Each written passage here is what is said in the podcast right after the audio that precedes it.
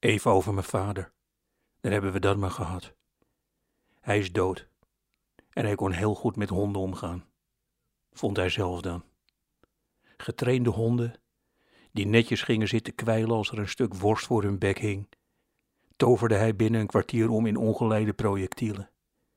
Hij vertrok naar twee bakjes koffie en opeens had je een hond die grommend naar je blote voeten stond te kijken. Nu we het toch over worst hebben.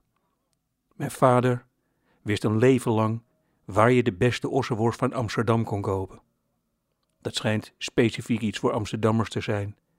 Dat ze altijd precies weten waar je de beste sinaasappels, houtkachels, regelaarzen of 3D-printers kunt kopen. Ossenworst. Wil je ossenworst?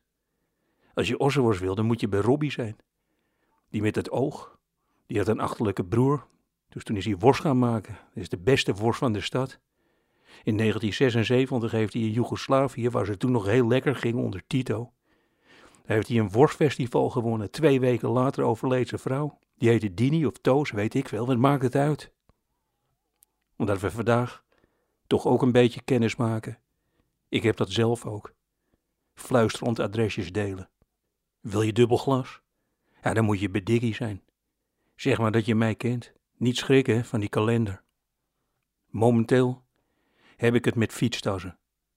Een week geleden kocht ik een fietstas die heel mooi kleurt bij mijn fiets en bij mijn haar. Nu wil ik dat iedereen die fietstas koopt. Ik zet mijn fiets expres op plekken waar je er wel naar moet kijken. En als ik zie dat iemand maar heel even zijn hoofd opzij doet, dan roep ik waar je die fietstas kunt kopen. Ik roep handgemaakt. Er kan vier keer een familiemenu van de Chinezen in. En kijk, nu komen we ergens. De Chinees. Nergens ben ik zo gelukkig en tegelijk ongelukkig geweest als bij de Chinees. Eerst het verdriet. Ik met negen mensen in het afhaalgedeelte naar zijn stapel tijdschriften uit de vorige eeuw. Ik wacht zwijgend op mijn eten en altijd begint er dan iemand over zijn kapotte lever of, erger nog, over modelbouw. Vlak voor de corona toen we nog dicht tegen elkaar als trillende hamsters op ons eten zaten te wachten, heb ik bijna negen minuten en veertien seconden moeten luisteren naar iemand die op zijn zolder een Oostenrijk spoorwegstation had nagebouwd. Je kunt dan twee dingen doen: luisteren en af en toe instemmend grommen, of een vraag stellen.